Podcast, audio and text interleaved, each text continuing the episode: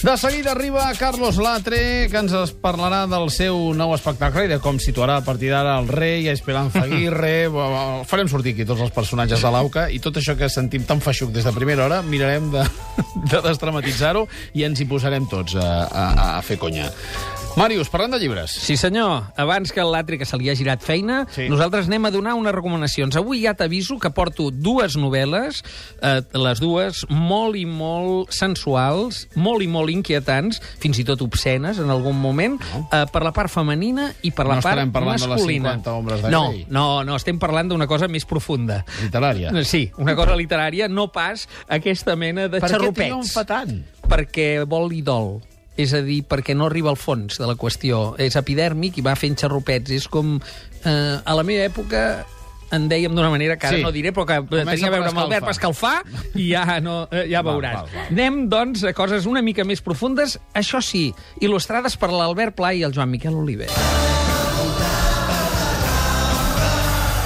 Canta la Rambla. Sí, senyor, canten la Rambla, aquesta magnífica cançó del Quimi Portet, per il·lustrar la primera d'aquestes dues novel·les, La pell de l'aigua, d'una autora de la meva generació, Isabel Olesti. Uh, això va guanyar el Premi Mallorca 2011 i està editat a proa. A veure, això és la història, una història molt, molt inquietant, d'una tortosina mal casada que navega de la part alta de la ciutat a la part baixa de la Barcelona preolímpica amb la diagonal de, de, amb la diagonal de, de frontera, diguem, eh, una barreja de realitat i somni.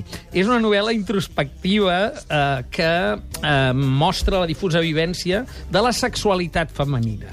I és una sexualitat eh, situada en una Barcelona eh, que te la puc situar dient Nazario, Ocaña i els llibertaris. Per tant, hi ha eh, molt de, mm, diguem, subtext, eh, també és veritat que hi ha un punt de deriva i eh, el millor, per al meu entendre, és que excel·leix situant eh, escenes sexuals relacionades en àmbits, diguem, històrics. Per exemple, la visita del papa Boitila a Barcelona. Mm. Eh, coincideix i és magnífic amb tot aquell moment que, que té molt neguitejat el marit d'aquesta senyora, com ella en aquells moments va fent descobertes i tira eh, per la banda del món dels travestis i del món eh, de la Rambla Baixa d'aquella època, o també en les seves evocacions a la infància eh, de Tortosa, que són bastant, bastant inquietants també, com un dels seus primeres experiències correspon amb l'arribada del món a la llu- de l'home a la Lluna, amb una mena de, de fastorrio que hi ha per allà.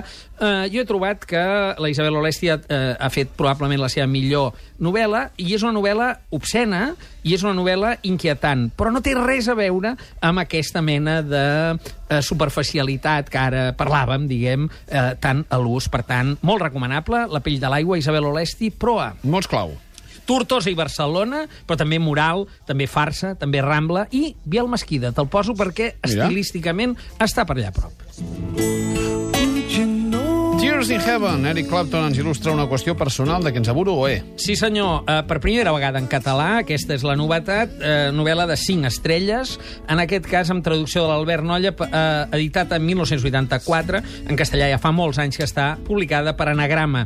Aquesta és una de les grans novel·les del segle XX. Tornem a, la qüestió de, de la sexualitat i també de les fundàries, no? En aquest cas, la vivència que va tenir el mateix Oe, que surt en la coberta del llibre amb el seu fill, eh, que va néixer amb paràlisi cerebral, i que quan va néixer ell va escriure d'una manera gairebé vomitar aquesta novel·la. Una novel·la la qual el protagonista, que es diu Bert, eh, mm, és ficció, eh, diguem, eh, té 27 anys, és un, un home que viu entre fracassos diversos, el matrimonial, el personal, el laboral, i que de sobte la seva dona eh, té el seu primer fill i surt malalt. No?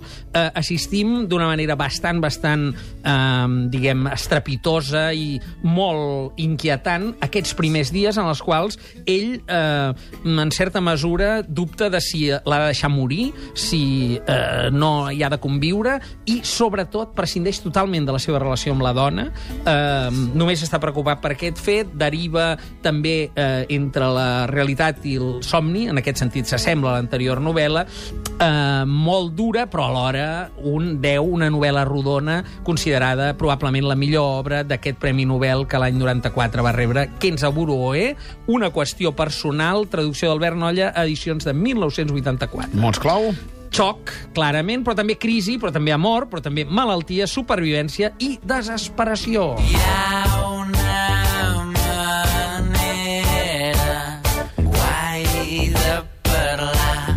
Parlem en Tabatresí. Estanislau Verdet. És el senyor. d'avui? Sí, de desengreixem una mica després d'aquestes dues recomanacions tan eh, intenses. Això és per recomanar un llibre del lingüista Pau Vidal, lingüista i traductor de Camil·leri i escriptor, que diu El catanyol es cura. Interferències entre el castellà i el català és un llibre que acaba de sortir a Barcanova amb una nova col·lecció i que té tres graus, nivell bàsic, nivell mitjà, nivell superior. Uh, no és un llibre de barbarismes, és un llibre que uh, aniria molt bé per a tots els que ens dediquem, i m'incloc, diguem, al ús lingüístic uh, públic, perquè busca, uh, diguem, què t'importa? Doncs què n'has de fer, no? És a dir, estem a la subtilesa ja del, de la llengua genuïna. Corregim o- barbarismes per, per afinar més amb la llengua. Exactament, I, i afinar sobretot en la genuïtat, no pas, diguem, en la correcció estricta, uh -huh. sinó d'anar a buscar una mica la manera pròpia i la manera, diguem, més eficaç també, eh, amb unes fitxes, hi ha unes 500 fitxes, un índex alfabètic, un llibre pràctic, Un útil. llibre que ha de ser de capçalera aquí, també, Eh, eh? hauria de ser de capçalera sí, sí. Per a tots els que ens hi dediquem I i, jo en aquest sentit el recomano perquè moltes vegades el quelcom eh, aquí diu no, no cal, el, el, cosa eh, ja funciona. És a dir, eh, es tracta de greixar la llengua, de fer-la eh, fluir i evitar, en la mesura del possible, les interferències de vegades retòriques d'un llenguatge administratiu i també, òbviament, de, del castellà. No? Eh, per tant, el Catanyol es cura amb un to d'humor, també, i molt ben escrit, pel Pau Vidal a Barcanova. Moltes gràcies, Màrius. A reveure.